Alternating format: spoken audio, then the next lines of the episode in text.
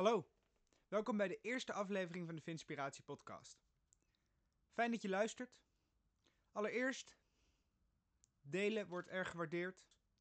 En voor de mensen die de podcast al gevonden hebben, mocht je nou op de hoogte willen blijven van alle aankomende afleveringen, dan raad ik je aan of te subscriben op mijn YouTube-account, Vinspiratie Podcast, of mij te volgen op Instagram, want daar zal ik aankondigen wanneer er een nieuwe aflevering online komt. Hier ben ik te vinden onder de naam ZweefTFT, of als je mijn eigen naam opzoekt, Vignettes, zul je me ook vinden. Dan voor de aflevering van vandaag, we gaan het hebben over spiritualiteit. Geniet ervan. Inspiratie. Hallo en welkom bij de Vinspiratie podcast. De eerste echte aflevering. Ik zit hier vandaag met Josh. Ik ga jou zo verder eh, jezelf voor laten stellen. Doe dat. Allereerst, eh, leuk dat je de podcast gevonden hebt. Voel je welkom. De trailer die is al online. Misschien leuk om die eerst te kijken als je dat nog niet hebt gedaan. En dan nu, eh, let's get into the podcast. Nou, Josh, laten we dat maar doen. welkom. Dankjewel dat je me hier wil hebben. Of course. Eerste gast. Speciale positie dit hoor. Let's go.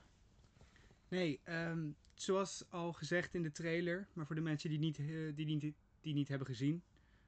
Het gaat over spiritualiteit vandaag. En ik heb Josh uitgenodigd omdat ik het, het pad dat ik de afgelopen twee jaar in mijn spirituele ontwikkeling heb doorgelopen, grotendeels samen met Josh heb door, doorgemaakt. We Dat delen klopt. alles. We zijn echt eh, buddies wat dat betreft. Nou, Dus het leek me mooi om dat onderwerp eh, wat, wat stigma af te nemen. Omdat het vaak als heel zweverig wordt gezien.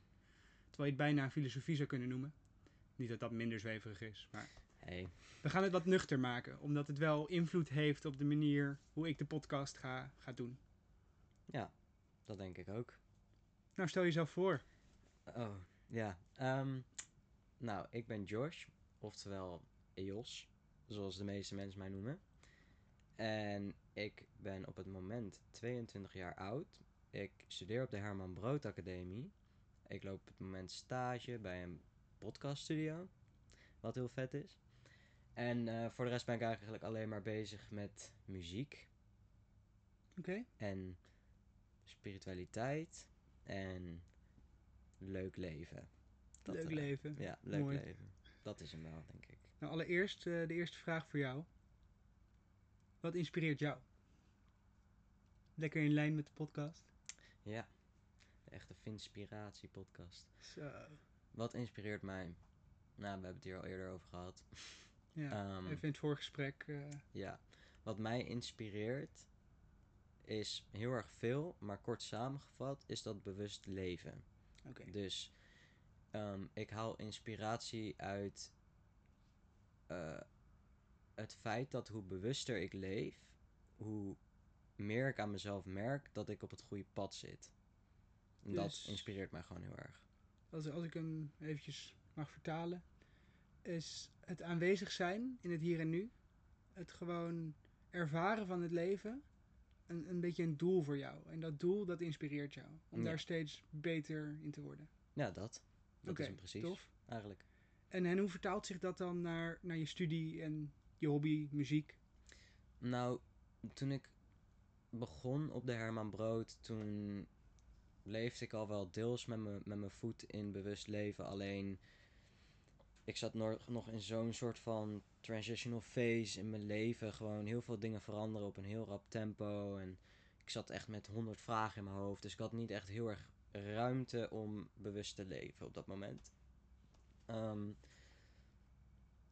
en toen op de Herman Brood zelf kreeg ik ook letterlijk les in mental health en ehm, bewustzijn en, en bewustwording. Niet per se op een heel spiritueel vlak, maar het was er wel. Oké, en was dat voor jou dan de, de vonk, het begin om ermee bezig te zijn? Ehm, het wakkerde een vuurtje aan dat al aan was geweest, maar een beetje uit was gedoofd. Oké, Dus het, het gooide wel weer meer vlammen in de, in de pot, laat maar zeggen.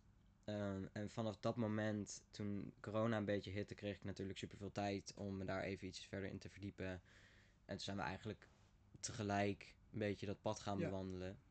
En ik ben toen weer heel erg gaan herontdekken, omdat vanuit mijn eh, opvoeding had ik het allemaal wel meegekregen. Alleen als tiener ga je je afzetten. Weet Of je course.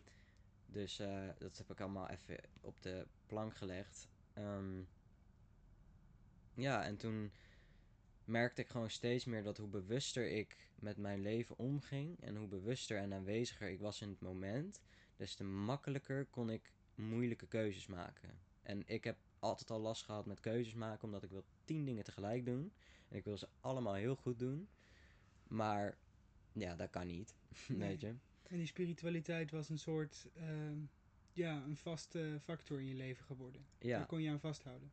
Ja, ja, basically. Dus ehm, ja, daardoor kwam ik gewoon steeds meer ook bij mijn koor terecht. En merkte ik ook gewoon dat muziek wel echt dat was. En dat komt wel gewoon echt doordat ik bewuster ben gaan leven. Dat ik gewoon mijn rode draad weer kon gaan volgen. Ja, en die muziek is dan, als je daarmee bezig bent, dan, dan kom je in die flow.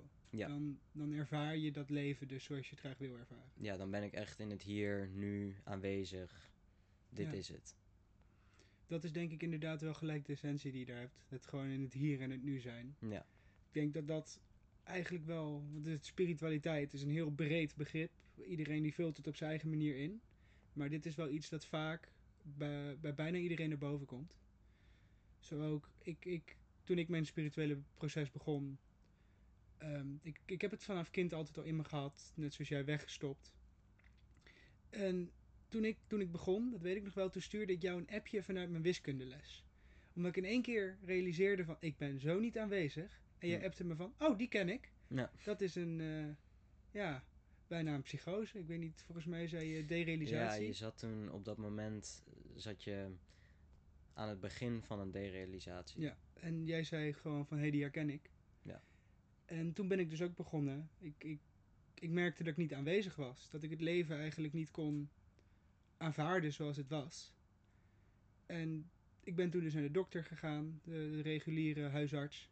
En die was van, nou, het komt wel goed. Weet je, die vroeg, eh, doe je aan blowen, drinken? Ik dacht, tuurlijk, ik ben een tiener.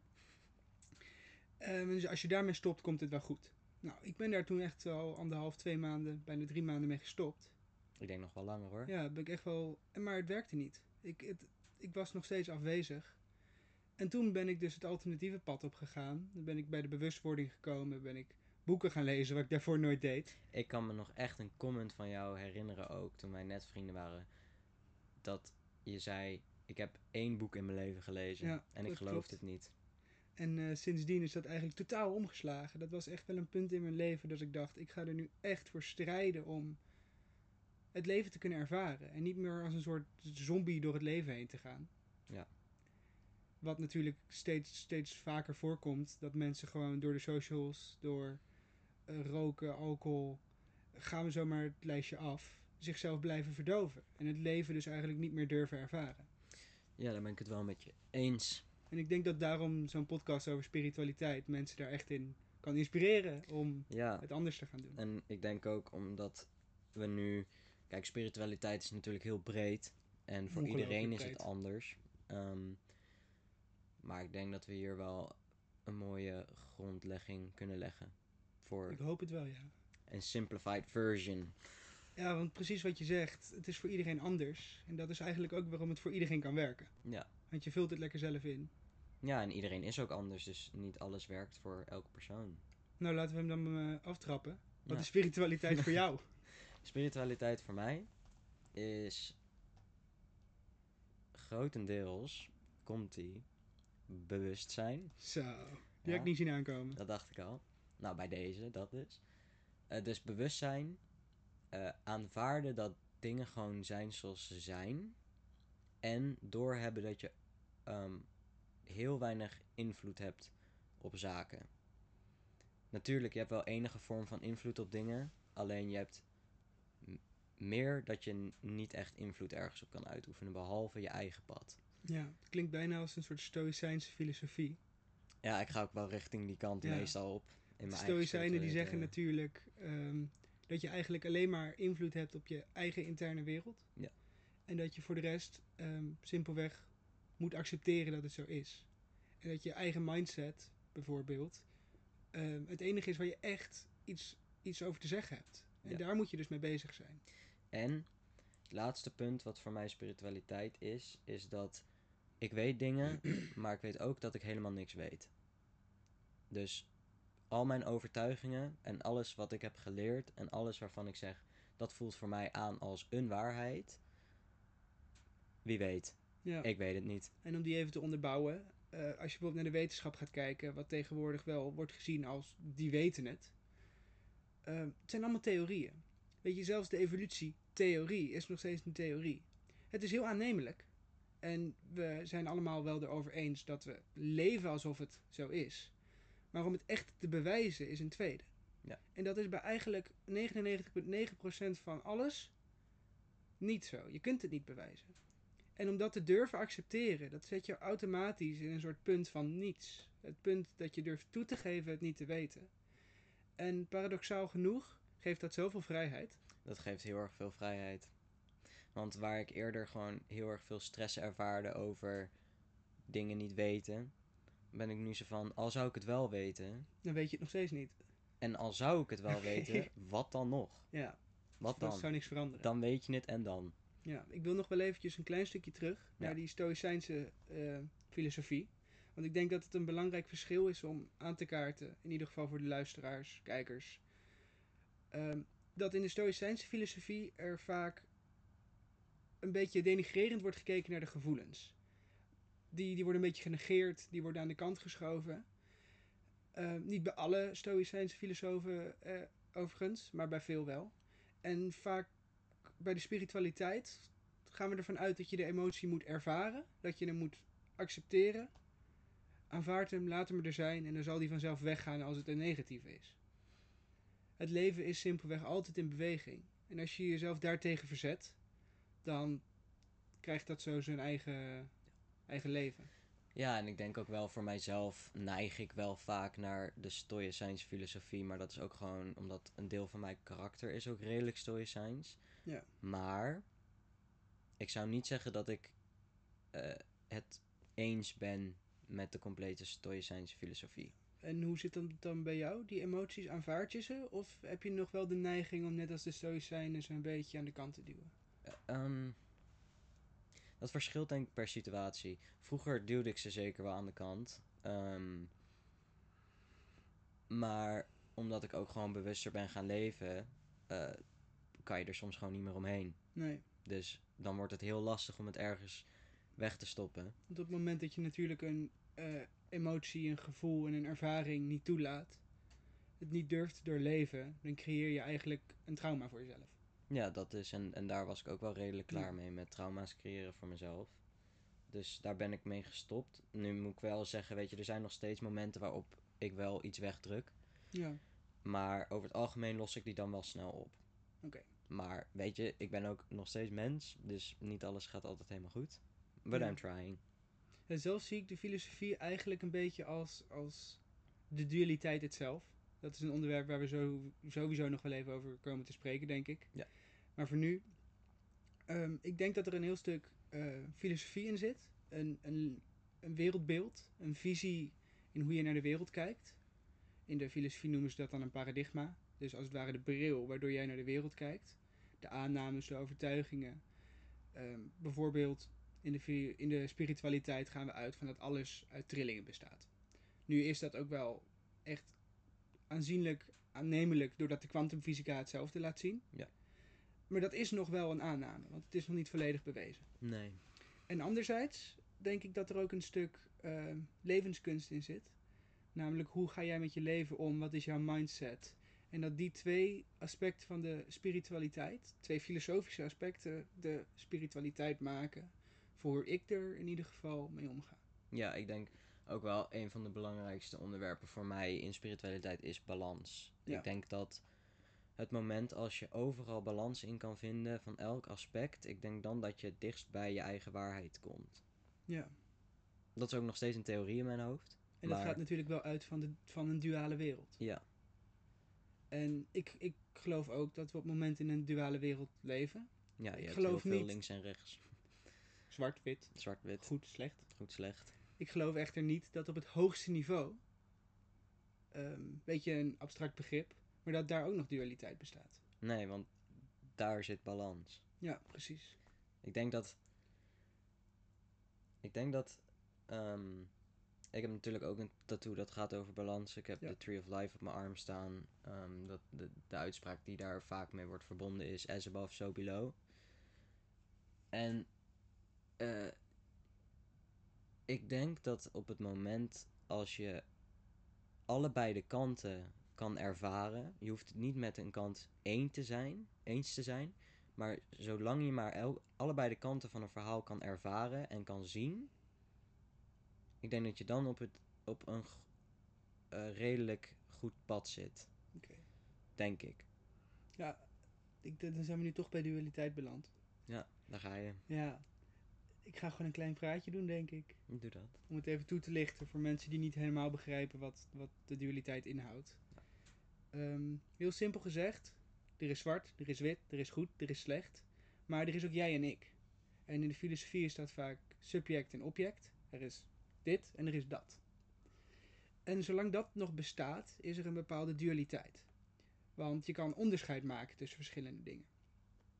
Op het punt van de oerknal, of als je gelooft in een, een variant van God, het moment voordat God ehm, de materie geschapen heeft, toen was er dus niet zoiets als dit en dat. Het was allemaal één. En zolang wij dus in een wereld leven waarin de dualiteit aanwezig is, dus het verschil tussen jij en ik, zwart en wit, goed en slecht, Links en rechts. zal er ook een variant van goed en slecht bestaan.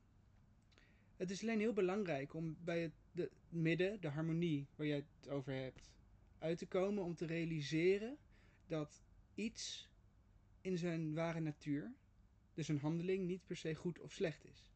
Wij zelf creëren ehm, die, die mening of die status van de handeling of van ehm, een per- persoon. Maar op zichzelf is het niet slecht. Want dat is een menselijk construct, construct goed en slecht.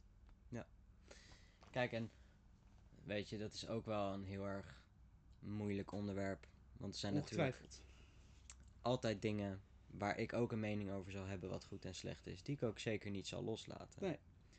Ehm, maar ik ben wel van mening dat als ik iets bijvoorbeeld slecht vind, dan komt dat omdat ik in een environment ben opgegroeid waarin een bepaald soort gedrag eh, of een bepaalde situatie niet aanwezig was. Waarin er misschien iemand anders is die in een heel ander ecosysteem is opgegroeid, waar het, laten we even zeggen, gedrag wat ik verkeerd vind, daar normaal is. Ja, precies. Het- Dus- En dat maakt de handeling op zichzelf niet slecht. Nee. Maar dat jouw conditionering bepaalt ehm, welk label je ergens aan hangt. En dat vind ik ook wel lastig. De laatste tijd wat ik heel erg merk is dat mensen heel erg. ehm, ze zijn heel erg bezig met zoek het zelf maar uit, want ik ben hier niet om jou dingen te leren. Alleen als niemand op deze aarde hier is om iemand iets te leren, dan blijf je staan. Dan, Ja. dan kan je niet verder. Dat vond ik wel een mooi. Ik was laatst de Seneca aan het lezen. Eh, super, super stoïcijnse filosoof. Ja. En daar haalde ik ook wel een heel mooi stukje uit. Want hij schreef op een gegeven moment... eh, dat was oprecht de aanleiding voor mij om te beginnen met deze podcast. Ehm, waarom zou ik kennis vergaren als ik het voor altijd en eeuwig voor mezelf moet houden? Sterker nog, hij zei... Als ik onder de voorwaarde dat ik het voor mezelf moest houden... alle kennis van de wereld zou krijgen, zou ik het afwijzen omdat alles wat je ervaart, uiteindelijk, je wil het delen. Er zit altijd een behoefte in om dat te delen met mensen. Of het een ervaring is die jij vervolgens met je vrienden wil delen dat je het hebt meegemaakt. En kijk naar die behoefte op social media. Het zit in de mens. En social media spreekt, speelt daar geweldig op in. Ja. Maar voor mij was het in één keer wel zo'n... Echt zo'n zo'n moment dat ik dacht... Fuck man. Ik heb nu zoveel boeken gelezen. Ik heb zoveel ervaringen meegemaakt studieuren gemaakt, opleidingen, gesprekken. En ik deel het niet. En dat Ja. was voor mij wel het moment dat ik inderdaad dacht van... Ik kan andere mensen hier, hiermee helpen. Ja, ik had dat Door laatst. gewoon mijn verhaal te doen. Ik had dat laatst ook. Ik had een gesprek met een eh, vriendin van ons. En ehm, we hadden het over muziek. En ik heb redelijk lang gewoon niet echt een richting gehad wat ik nou precies wilde in muziek. Dacht Ja. ik. Ik had hem echt wel. Alleen ik durfde dat niet toe te laten, omdat dan kom je ook op dat stukje, maar waarom ik? En toen dacht ik, ja, maar waarom niet? Ja. Like, ik, heb, ik, heb, ik speel nu al jaren basgitaar. Ik, ik ben al, zolang ik me kan herinneren, bezig met muziek. En nu heb ik het eindelijk eigen gemaakt. Dat ik denk, oh, maar nu kan ik iets gaan reproduceren voor iemand Ja. anders. Ja, dat, daar, daar heb je hem ook wel, again, weer bij de essentie, voor hoe, voor hoe die voor mij is. Want toen ik dat stukje las, toen realiseerde ik mij dat die behoefte er altijd al was. Dat ik altijd al wel graag wilde delen. En dat daarom ik zoveel ben gaan onderzoeken. Omdat die behoefte er al was, voordat ik gedeeld had. Mhm. En dat zeg jij nu ook, van ik realiseer me nu pas wat ik wilde doen, maar ik wist het al. En weet je hoe wij daar zijn gekomen? Door er bewust naar te kijken. Kijk eens, En daar kom je hartstikke mooi weer terug op dat stukje bewust leven. ik ga je deze even laten toelichten. Oh, ik weet niet zo goed wat ik moet toelichten. Nou, oké. ehm, je zegt nu dus dat je door het bewust ernaar te kijken in één keer duidelijk kreeg. Maar dat bewust ernaar kijken is denk ik voor sommige mensen nog best wel een abstract be- begrip. Van wat doe je dan als je er dus bewust naar gaat kijken en echt gaat kijken van wat gebeurt er in mij? Ik denk dat ik dan heel even een moment in mijn leven ga pakken waar ik het verst van bewust stond dat ik kon zijn. Ga je gang? En dat was namelijk in mijn depressie. Oké. Omdat ik was toen zo intens afwezig in mijn eigen leven dat ik nu niet meer weet wat er in die tijd is gebeurd. Ik kan je echt niet vertellen wat ik in die tijd Men heb noemt het gedaan. trauma. Men noemt het trauma. Zo stond ik zo. Ik, ik stond op. En ik deed dingen. En ik ging naar bed. En voor Mhm. de rest zat er geen gedachte achter waarom ik dingen deed. Er zat geen beeld achter wat ik deed. Er zat geen reden achter waarom ik dingen deed. Dus ik deed maar gewoon. Ja. En toen uiteindelijk op, op eigen houtje ben ik door een bepaald moment in mijn leven ben ik dat gaan verwerken. Heb, heb ik daar heel veel aan gewerkt. En toen merkte ik dat als ik, ga, als ik na ga denken over waarom ik iets doe. Als ik na ga denken over welk beeld heb ik voor mijzelf. Welk beeld heb ik over mijzelf. Dan kom je ineens bij een, een deel intern die je inspireert. Ja. Dan kom je inderdaad bij die bezieling uit. Wat Ja. natuurlijk de, de echte betekenis van inspiratie is. Ik denk dat een deel van bewust leven gewoon is heel erg veel vragen stellen. Ja, en ik denk ook, ja, natuurlijk, de podcast heet Vinspiratie. Wauw. Mhm.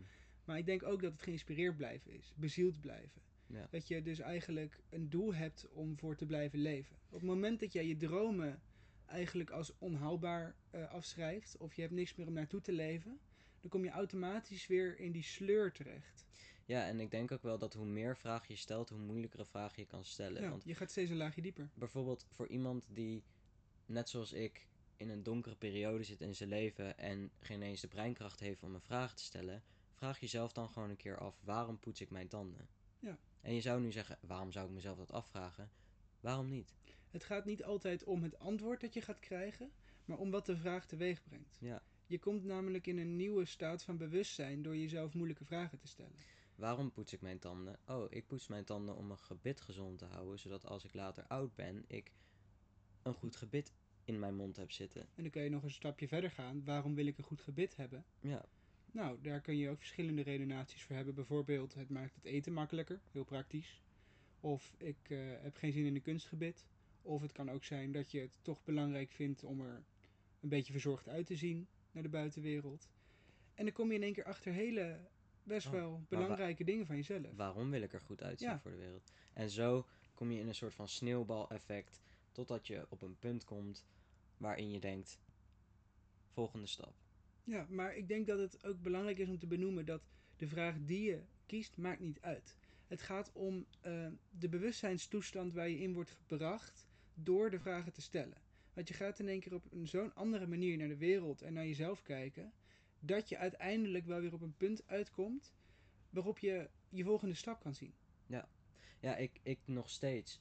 Ik begon met hele, nou ja, wat ik nu voor mijzelf simpele vragen vind. Ja, Daar begon ik mee. Maar ook nu nog stel ik mijzelf simpele vragen. Ik zou Tuurlijk. mijzelf nu nog steeds kunnen vertellen waarom. Elke keer als ik mijn sokken aantrek, doe ik eerst mijn linker en, mijn- en dan mijn rechter. ja. Daar zou ik nog steeds over kunnen nadenken op het moment. Want dan kom ik ineens uit op, oh, maar ik ben een routinedier. Oh, maar ik mis routine in mijn leven. Oh, nu merk ik dat ik routine nodig heb. Oh, dan ga ik aan mijn routine werken. En tegelijkertijd is dit ook weer een beetje tegenstrijdig natuurlijk. Want we willen uitkomen bij het punt van simpelweg zijn. Ja. En daar denk je niet zoveel na. Maar daar komt dus dat stukje balans ook weer Ja. terug. Precies, het is niet zo dat we nooit mogen nadenken. Het, het brein, de mind, is echt een heel krachtig iets. Maar je moet het wel goed weten te gebruiken. Ja. Je moet het weten toepassen op een manier die jou dient. En ik denk dat je met deze vragen stellen heel dicht bij het punt komt dat het jou dient. Want je bent dan bewust van het feit dat je je brein gebruikt voor iets. Ja, in plaats van dat je slaaf wordt van je brein, Ja. begin je hem een beetje om te keren. Want dan kom je eigenlijk op een stukje identiteit en ego uit. Waar heel veel mensen zich eigenlijk identificeren met de gedachten die ze hebben. Stel, je zit in de trein en er is iemand aan het schreeuwen en dat vind je irritant. En dan vind jij dat dus irritant. Maar dat is een gedachte gecreëerd door jouw brein. Maar wie is dan dat ik dat het irritant vind? En waarom vind je het irritant? En als je bij die vragen gaat, nagaat, dan kom je in één keer bij jezelf uit. En een heel groot stuk rust. Ja, Ik kon me vroeger ook echt heel erg irriteren aan mensen die zaten te bellen in de stiltecoupé. En dan denk ik, ja, eerlijk, hoe, hoe, waarom laat ik zo'n ding mijn leven zo beïnvloeden dat ik om 9 uur ochtends al zagrijnig ben? Ja, nee, dat is, eh, datzelfde proces heb ik ook wel ervaren inderdaad. Gewoon eigenlijk verzet bieden naar wat er om jou heen gebeurt. En je kan er natuurlijk in theorie wel wat aan doen, want je zou op kunnen staan, er wat over zeggen.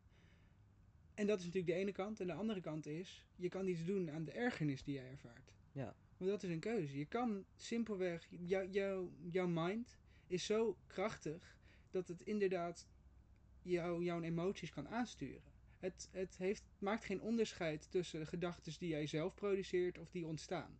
Dus als je jezelf gaat aanpraten dat het niet erg is, dan zul je het ook ervaren als niet erg. En op die manier kun je Ja. een veel makkelijker leven leiden. Jij zegt net ook, en daar ben ik het mee eens, het jezelf aanpraten. Ik vind dat een hele goeie, omdat hoe ik persoonlijk uit mijn depressie ben gekomen, is door mezelf te vertellen, ah, ik heb geen depressie meer. En dan niet dat ik mezelf vertelde van, eh, je, het mag er niet zijn, maar meer een soort van, eh, ja, hoe moet ik dat uitleggen? Het was niet dat ik tegen mezelf zei, je mag niet depressief zijn en je bent niet depressief, want ik wist dat ook wel. Alleen, zodra ik mijzelf kon overtuigen dat ik me op zich goed voelde, kon ik ineens wel mijn bed Ja, uit. ik denk dat het heel belangrijk is om daarbij wel een onderscheid te maken dat het geen ontkenning is. Nee, Het is niet, dat je ontkent dat het zo is, dus dat het weer goed gaat. Het is dat jij eigenlijk durft te dromen naar hoe het anders zou zijn. Ik nam basically de teugels over mijn depressie weer in handen, in plaats van dat ik ze liet vieren. In plaats van dat jij dus inderdaad leeft naar de gedachten gecreëerd in je mind, zeg je eigenlijk: Oké, helemaal leuk, maar we gaan het anders doen. Ja. En je gaat je eigen gedachten omvormen. Zonder de emoties die erbij horen weg te stoppen. Ja. Die ervaar je gewoon door Ja, ik, en vanzelf transform- transformeert het. ik liet basically de gedachten die er waren, die gecreëerd werden, eh, die mochten er zijn, maar die mochten er zijn op mijn manier. Ja. En dat is hoe ik dat heb aangepakt. En dan kom je eigenlijk bij wat, wat je vaak in de spiritualiteit, de spirituele wereld hoort, eh, over visualisatie en manifestatie. Ja. Ook wel twee belangrijke onderwerpen, denk ik. Want ze gaan natuurlijk samen. En wat het eigenlijk zegt, is dat je dus je eigen wereld, je eigen werkelijkheid tot bepaalde hoogte kan bepalen. Er is hier een. Ik heb hier laatst een, een studie over gelezen. Hadden ze tien eh, vrouwen en mannen. Ze hadden twintig vrouwen en mannen. Tien hebben ze in een kamer gezet en tien hebben ze op een basketbalveld gezet. Ja. Ze moesten een week lang moesten ze basketbal oefenen. Waarin de tien mannen en vrouwen die in een kamer zaten, die mochten alleen visualiseren over hoe ze scoorden. Mhm. En het andere team, die was daadwerkelijk bezig met basketballen en oefenen Oké. Beide teams aan het eind van die week deden het even goed. Nog zo'n verhaal. Er was een, eh, een sporter. Ik, volgens mij was het skiën, maar ik weet het niet zeker. En die was op een gegeven moment verlamd in zijn hele lichaam. Oké, eh, even terug. De camera die kan maar een half uur maximaal opnemen. Dus daar zaten we aan. Waar was ik? Skiën. Skiën, ja, nee. Josh die vertelde net over de basketballers. Die dus door te visualiseren eigenlijk hun lichaam net zo goed konden trainen als iemand die echt fysiek aan het trainen was. En daar heb ik nog een voorbeeld van. Want er was een sporter, volgens mij een skier, die eh, verlamd was in zijn lichaam. Maar mentaal was hij nog wel in orde. Dus toen hij in het ziekenhuisbed lag en ze hem waren aan het verzorgen, ehm, was hij in zijn hoofd gewoon nog aan het skiën. Laten we er even vanuit gaan dat het skiën is. Ja. Hij eh, deed gewoon zijn normale routine. Hij, eh, gewoon zijn, zijn workout routine, zijn oefenroutine. En hij zag zichzelf door de pistes afgaan. En hij heeft echt bijna twee, drie jaar in een, in een coma gelegen. Maar coma, gewoon lichamelijk coma. En toen hij dus daaruit kwam, dus toen zijn lichaam het weer deed, is hij gaan skiën. En hij is niet verslechterd. Hij was ook best wel hoog, volgens mij. En hij ging gewoon gelijk weer meedoen aan wedstrijden. Dus daar kan je zien dat de power of the mind echt heel erg ver reikt. Ja, en ik denk dat mensen bij woorden zoals manifestatie heel erg snel denken aan een soort van Harry Potter-achtige wereld, waarin als je ergens aan denkt, het ineens voor je neus staat. Ja, Alleen manifestatie is niks anders dan jouw gedachtes werkelijkheid maken. Door er gewoon over na te denken en het terug te laten komen en er bewust van te zijn. ik denk dat ook hier weer wel twee aspecten zijn bij eh, manifestatie. En één daarvan is dus de visualisatie. Dat is gewoon voor jezelf in je hoofd eigenlijk een mindset creëren. En doordat jij die nieuwe mindset hebt, ga je daar naar leven. En op die manier kan je dus door te visualiseren in je hoofd, door een mindset te creëren, eh, prestaties bereiken die je anders niet zou bereiken. Ja. Anderzijds zit er ook een stukje over trillingen en trillingsfrequenties. Wil je daarheen gaan nu? Ik vind het wel een leuk onderwerp. Ik vind het een superleuk onderwerp. Dan gaan we ervoor. Dan gaan we ervoor. Alright, Dan nee, gaan we het gewoon doen. ehm, dan ga ik eventjes een sprongetje maken. Oké. Ehm, om dit even toe te lichten. Want in de spiritualiteit ehm, gaan we er dus eigenlijk vanuit dat alles in deze wereld bestaat uit een bepaalde mate van trillingsfrequenties. Dus een fysiek object, iets wat jij vast kan houden, zoals deze deken, is in principe een hele Dichte. dichte variant van trilling. Hele slome trilling. En iets dat dus in de lucht hangt, zoals straling, wifi, infrarood, dat is een hele, ja, Ja, snelle, lichte. lichte vorm. dat, dat trilt heel snel. Ja. Maar in principe bestaat alles dat iets is uit deeltjes. En die deeltjes die bewegen en die trillen en die hebben invloed op elkaar. En als jij dus ook kijkt naar zo'n eh, infraroodcamera, als je die op een mens schijnt, dan zie je niet dat het mens stopt bij het lichaam zoals dat hier is. Die warmte die gaat nog een stukje van jou af. Dus daar zie je dat daar ook particles en in principe sterrenstof zit. En al dat sterrenstof, dat is natuurlijk, dat interact met elkaar. En het is ook Heel even, sterrenstof als in materie. Gewoon de deeltjes. Ja. Ja. Ehm, maar alles dat interact dus met elkaar. En je ziet ook dat de kwantumfysica steeds meer deze richting op gaat. Dat dus eigenlijk alle deeltjes in het universum met elkaar reageren en een soort dans maken van beweging en trilling. Ja, ik bedoel, je kan dan ook heel makkelijk muziek erbij trekken. Ja. Als we heel even bijvoorbeeld... Je kan het heel makkelijk vergelijken met een geluidsgolf. Ja, zeker. Ik bedoel, als je een, een geluidsgolf van een bas, die draagt heel ver.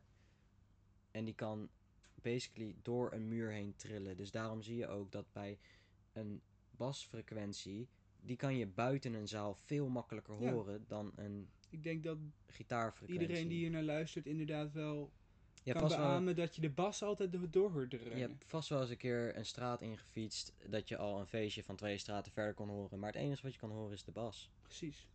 En dat is basically ook hoe dat werkt met dichte en trillingen en, en ja, minder dichte trillingen. Het is gewoon Ja. dat. En we hebben het natuurlijk ook over, over de manifestatie-aspect hiervan.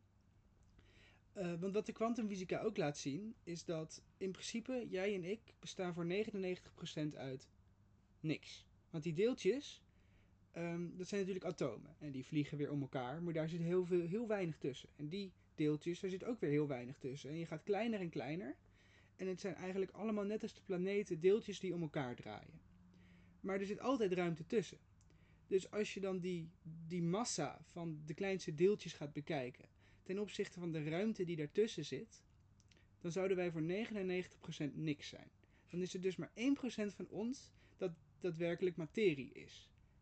En die deeltjes die, die zitten dus eigenlijk in een zee van niks. Daar een soort dans te doen, te bewegen. En de kwantumfysica die stelt zelfs dat er een 1 in 5 triljoenste kans is dat als je je hand tegen een muur aandrukt, dat die er doorheen gaat. Omdat die deeltjes dan gewoon dus in elkaar, elkaar missen.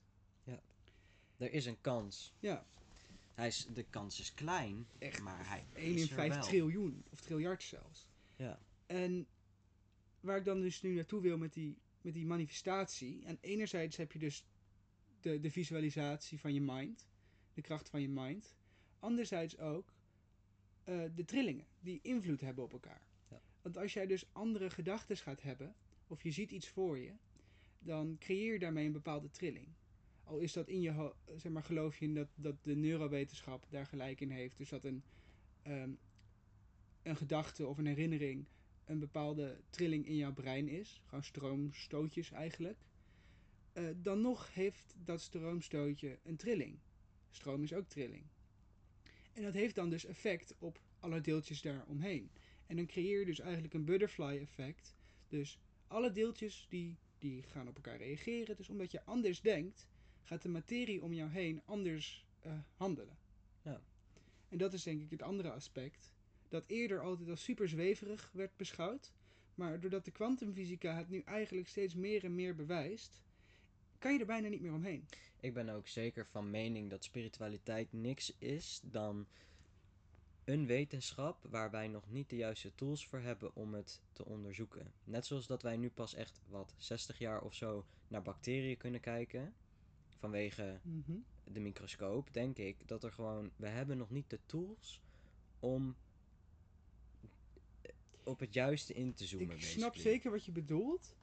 Ik zou alleen niet zo ver gaan om te zeggen dat het een wetenschap is, maar iets dat de wetenschap kan onderzoeken. Ja, maar ik denk dus ook niet dat het echt een, een natuurkundig wetenschap of whatever zoiets is. Nee, maar nee, nee. Een, we- een soort wetenschap. De wetenschap die kan hier naar gaan kijken. Ja. Zoals wat je wel ziet, is dat bijvoorbeeld de neurowetenschap, die is, die, die is nu dus nu mensen eh, onder psychedelica aan het kijken wat er gebeurt in het brein. Eh, bijvoorbeeld DMT, dat is het stofje dat je aanmaakt op het moment dat je geboren wordt en dat je doodgaat. En het is ook een drugs, een psychedelica. En nu zijn ze dus aan het kijken van wat gebeurt er in het brein eh, wanneer mensen dat nemen. En dat zijn natuurlijk de eerste stappen om te gaan kijken van wat is dan die geestenwereld? Die trillingsfrequenties, hoe hebben, hebben al die sterrenstofdeeltjes invloed op ons? Ja, Dus dan ga je eigenlijk kwantumfysica verbinden met de neurowetenschap. En ik denk zeker dat daar in de toekomst hele mooie dingen uit kunnen komen. dat denk ik. Ook zeker weten wel. Daar ben ik het mee eens. Jos, Zeg het. geloof jij in God? Ik geloof in God. Ik geloof in. Nee en ja. Oké, Ehm, nee, omdat ik niet denk dat er iets boven iets anders staat. Eh, ik denk wel dat er iets is. Alleen ik denk dat dat een puurdere vorm, een puurdere trillingsvorm is dan dat wij hier zijn. Ja. Dus geloof ik in een big guy in the sky? Voor mij persoonlijk nee. Ehm, nu zeg ik wel, even tussendoor, ik vind niet dat mijn waarheid de waarheid is. Ik vind dat iedereen's waarheid evenveel eh waar is, Mhm. om het zo maar even te zeggen. Dus voor mij persoonlijk nee, ik geloof niet in een bijvoorbeeld christelijke god. Maar ik denk wel dat er een ehm, hele gebalanceerde, pure vorm, levensvorm, om het zo maar even te noemen, is. Wat de balans is. ja. Dat denk ik. Ja, ik denk dat er wel zoiets als de bron bestaat. Ja, dat, dat is er ook een andere benaming. En of je dat nou ziet als een oerknal of het punt waarop alles begonnen is. Maar ik denk dat we allemaal natuurlijk afkomstig zijn van de bron. En wat dat ook mag zijn, dat weet ik niet. En ik geloof inderdaad in wat jij zegt, dat dat een bepaalde trillingsfrequentie is, een energie, die in ons allemaal nog steeds zit. Die eigenlijk in al het leven zit. Dus ik zou bijna durven zeggen dat de natuur. Het is natuurlijk best wel een apart begrip, want vaak denken mensen dan aan de bomen, de planten en het bos. Maar de natuur van hoe alles werkt. Dat het leven zichzelf ontwikkelt op de manier hoe het doet. Dat een zaadje vanuit niks weet hoe die een bloem moet worden. Dat de regen ontstaat vanuit de zee, vanuit weet je, het hele grote geheel en hoe het samenwerkt. Dat is uiteindelijk de natuur. En die complexe intelligentie, die daar dus eigenlijk aan verscholen zit, dat zie ik als God. Ja, ik bedoel, je kan letterlijk, je kan het er letterlijk bij houden dat bijvoorbeeld een plant heeft de kracht, gewoon je average plant heeft de kracht om de wereld atomisch te laten ontploffen. Alleen omdat dat zo intens goed berekend en intelligent is, gebeurt dat niet. Nee, precies. Want En ik, uiteindelijk is een atoombom gewoon het uit elkaar trekken van atomen. ja, En in een plant zitten die atomen. ja. Alleen het gebeurt niet, want het, is, het, het weet wat het moet doen en het weet ook precies wat het niet moet doen. En daar moet een level aan intelligentie aan vastzitten. En dat betekent niet dat er een fysiek brein in een plant zit, maar wie zegt dat intelligentie alleen via een brein binnen moet komen? Ja. En ik geloof dus in zekere zin dat we allemaal God zijn. Dat Ja. is een hele eh, Oosterse eh, kijk op de wereld. Want we zijn allemaal deel van die natuur. Deel van hetgeen dat is ontstaan uit de bron. Ja, basically ben je gewoon een puzzelstuk uit Ja. één hele grote puzzel. En om hem dan nog even terug te pakken op een stukje bewustzijn. Want waar mensen zich vaak identificeren als hun gedachtes, als hun ego. Dat ben jij. Jij bent jouw identiteit die je hier neerzet, manier hoe je je kleedt. Noem het maar op waar mensen zich aan vasthechten. Maar dat bewustzijn, het feit dat ik weet dat ik besta, dat een hoopje sterrenstof zich bewust is geworden van zichzelf. Ik denk dat dat alleen maar mogelijk is met die goddelijke of natuurlijke vonk. Ja, En dan heb ik het dus niet over God als een entiteit, maar God als de natuur die in ons allemaal zit. De goddelijke intelligentie, ja. die dus weet hoe het moet leven. Ja, en ik denk ook daarom dat bijvoorbeeld er geen verschil zit in hoe goddelijk iemand is. Het zit Nee. wel in, het zit in iedereen en En in alles. In het boompje, in de vogel, in, ja, in de aubergineplant. ja, en het is ook mensen denken vaak als je het woord goddelijk gebruikt aan iets met heel veel kracht en heel veel mogelijkheden en zo. Maar een autoriteitsfiguur bijna. ja, alleen ik ben dus niet een, ik ben het er niet mee eens dat een god autoritair zou zijn. Nee, dat denk ik ook niet. Maar ik denk ook niet dat er een God bestaat. Nee. Ik denk wel dat God bestaat, maar niet een God. En dat is dus niet iemand, dat is een iets. Ja. En dat iets zijn wij allemaal, met z'n allen. Het geheel samen is God. Ja, ja zo, kan je het, zo kan je het wel benoemen. Ik denk dat het wel lastig te omvatten is voor mensen die er niet zo heel erg bekend mee zijn. Nee, dat kan ik ook wel. eh, Ehm, natuurlijk hebben wij er al heel veel gesprekken Ja. over gehad. dat is Ehm, natuurlijk altijd eh, de valkuil bij onderwerpen waar je heel erg in thuis bent.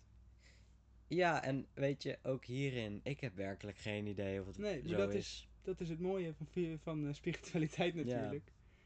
Maar ik denk dat misschien Alan Watts, ik, jij kent hem, dat weet ik. We hebben allebei redelijk wat van hem gelezen.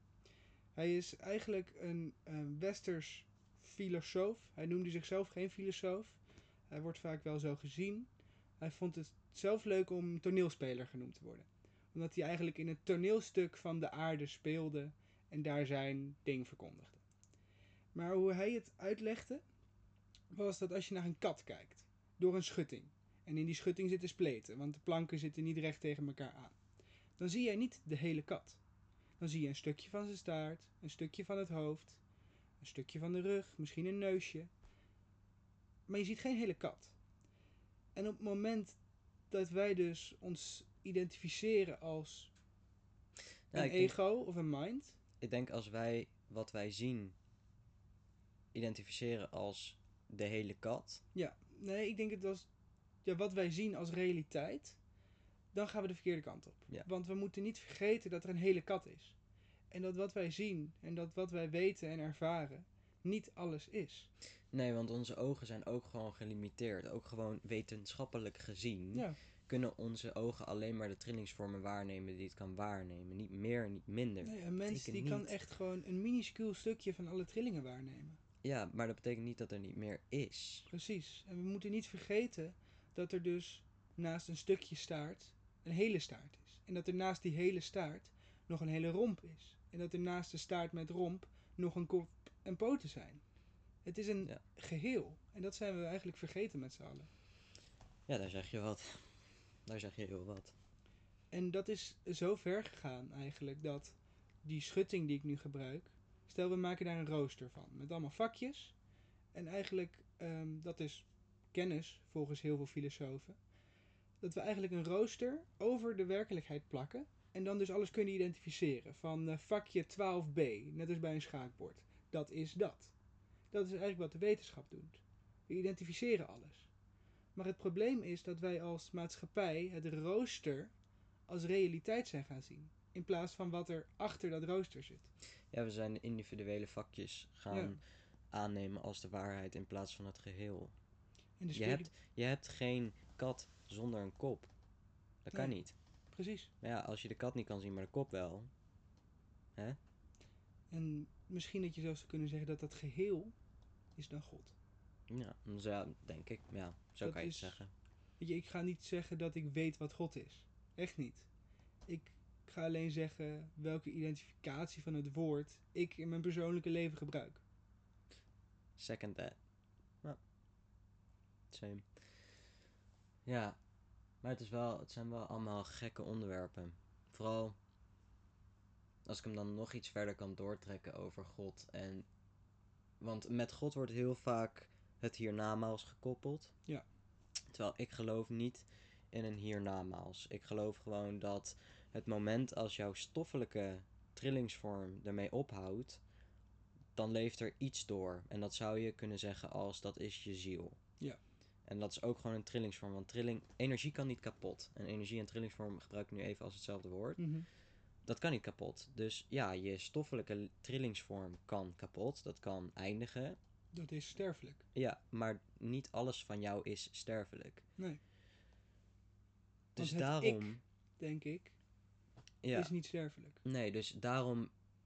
Kijk, ik geloof niet in een hiernamaals. Ik geloof gewoon in je verandert in een andere trillingsvorm. En that's it. Er is Ja. voor mij niet een, een hier, een leven en een dood. Er is gewoon een. Je bent of stoffelijk hier, of je bent dat niet. Ja, ik vind wel mooi hoe eh, Christina van Draaien, Ja. jong, eh, onze leeftijd, en die is met een ongelooflijk hoog bewustzijn geboren. Die zou dus eh, aanzienlijk meer van de trillingen kunnen waarnemen dan een gemiddeld mens. En dat is eigenlijk wat je doet als je je bewustzijn verruimt. Je stelt jezelf open om meer van de trillingen die aanwezig zijn waar te nemen. Ja, te ervaren. En zij zou dus in staat zijn om heel erg veel trillingen waar te nemen. En daarmee te interacten. En wat zij eigenlijk zegt, is dat op het moment dat je hier op aarde bent, is dat eigenlijk niks anders dan dat jij, jouw ziel, om het even zo te noemen, zichzelf verdicht. Je gaat naar een lagere trilling toe. En op het moment dat jouw lichaam, dat is gemaakt uit hele lage trilling, dus sterft, dan is jij, jouw ziel, dat gaat dan gewoon weer naar de hogere sferen toe. En het is niet dat dat ges- gescheiden is. Het is allemaal één. Het is hetzelfde als je hier op aarde, weet ik het, eh, ja, wat is eigenlijk een goed voorbeeld, in bad gaat zitten. Je, je gaat in bad. En dan kan je ook weer uit. Ja. Weet je, het stuk van jou dat in het water zit, dat zou dan dus verdicht zijn. En daar kun je ook weer uitkomen. Ja. Alleen we zijn vergeten dat op het moment dat we uit het water gaan, dat we dan nog steeds onszelf zijn. Ja. Ja, dus daarom, nee, ik geloof niet in een hiernamaals. Eh maar eh, ik geloof wel dat er meer is. Zeker, daar Ik- ben ik het helemaal mee Ik, eens. ik stel dat alleen niet los van het leven. En dat besef heeft denk ik nog de meeste rust in mij gecreëerd. Dat het leven niet ophoudt. ja, dat niks ophoudt. Niks houdt op. Er is gewoon een momentopname dat iets iets is. En op een gegeven moment is dat het niet meer. Maar dat betekent niet dat het er niet meer is. Ja, dan kom je natuurlijk in een heel, ehm, hele problematiek rondom tijd. Want uiteindelijk is er niks buiten het nu. Ja. Tuurlijk is er een verleden geweest dat heeft geleid tot hoe alles nu in elkaar zit. En is er een toekomst waar we heen gaan. Dat is als het ware kloktijd. Ik heb een, eh, weet ik het, een plaat gekocht en die kan ik nu draaien. Ja, ik weet dus dat er een verleden is geweest. Maar er is ook zoiets als de psychologische tijd. Waar je in je hoofd Het Eigenlijk- structuur. Ja, je kunt in je hoofd bijna tijdreizen. Je kunt nadenken over de toekomst en het verleden. Maar dat is eigenlijk fictief. Dat bestaat niet. Nee, het is niet aanwezig. En ik had hier laatst een gesprek met iemand over die had een probleem en die was daar heel erg verdrietig over. Ehm, terwijl dat probleem was er niet. Dus Nee. ik zei ook, zolang die situatie niet bestaat, is het niet echt. En alles wat je daarin ervaart, dus ook niet. En ik denk dat dat eigenlijk de essentie is van waar, wij, van waar we naar op zoek zijn in de spiritualiteit. En dan ga ik even Eckhart Tolle bijhalen. Ja, de schrijver van The Power of Now. Mhm. Ik denk dat veel mensen het boek wel zullen kennen. Het is een best wel bekend boek in de spirituele wereld. Ja. Eh, maar wat hij ook stelt is dat eigenlijk niks bestaat buiten het nu. En elk moment dat wij lijden ervaren, de Boeddha zegt dit ook, ehm, komt puur omdat wij ons of ehm, vasthouden aan iets. En dat kan dus alleen maar in die eh, fictieve psychologische tijd. Ja. Want in het hier en het nu bestaat dat niet. Bestaat er geen goed, slecht, waarde.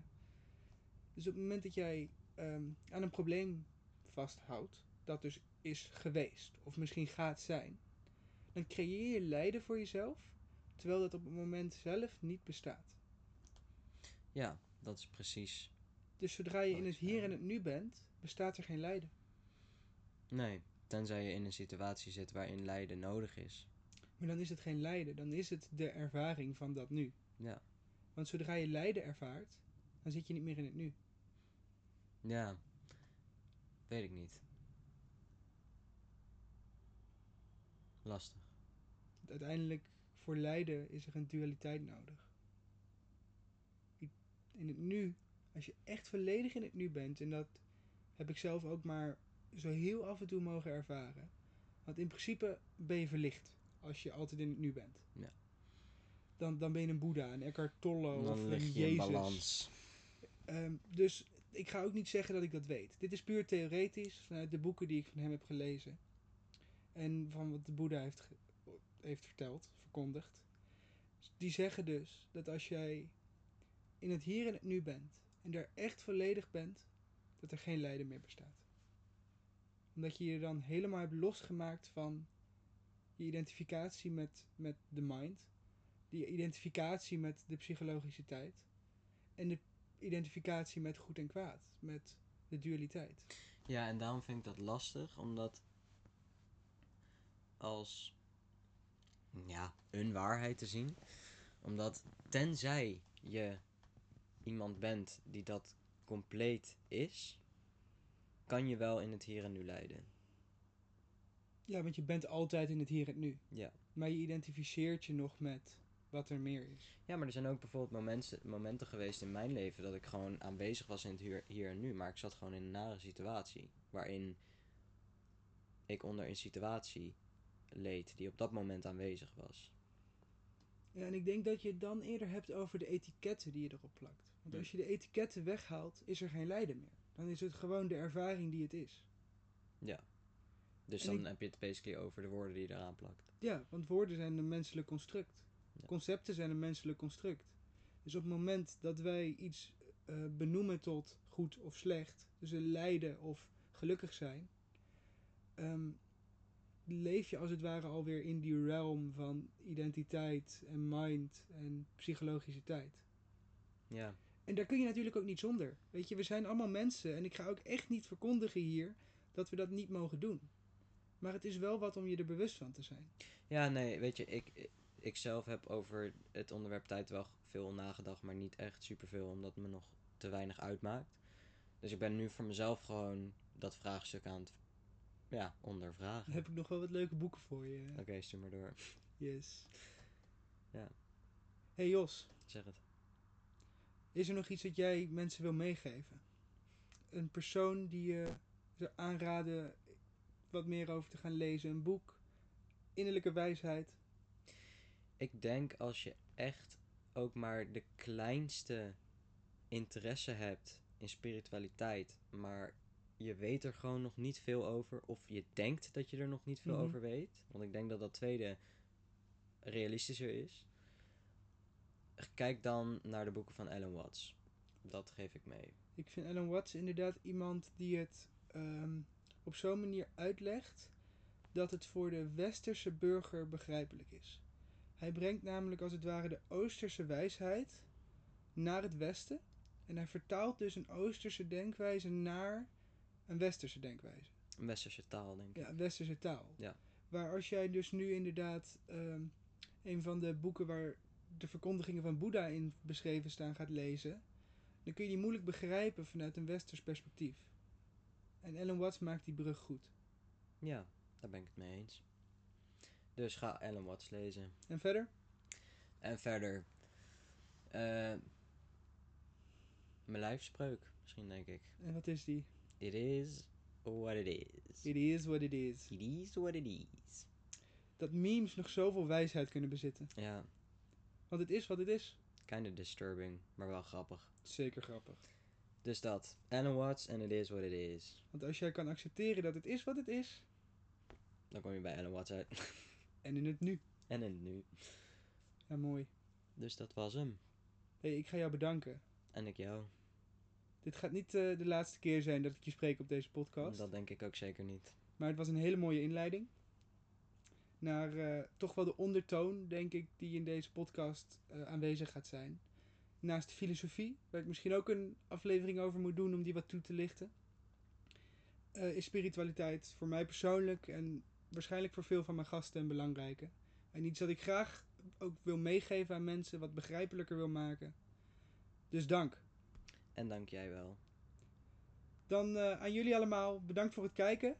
Ehm, wij doen hem eruit en tot de volgende keer Tot de volgende keer. maar bij de Finspiratie Podcast. Inspiratie.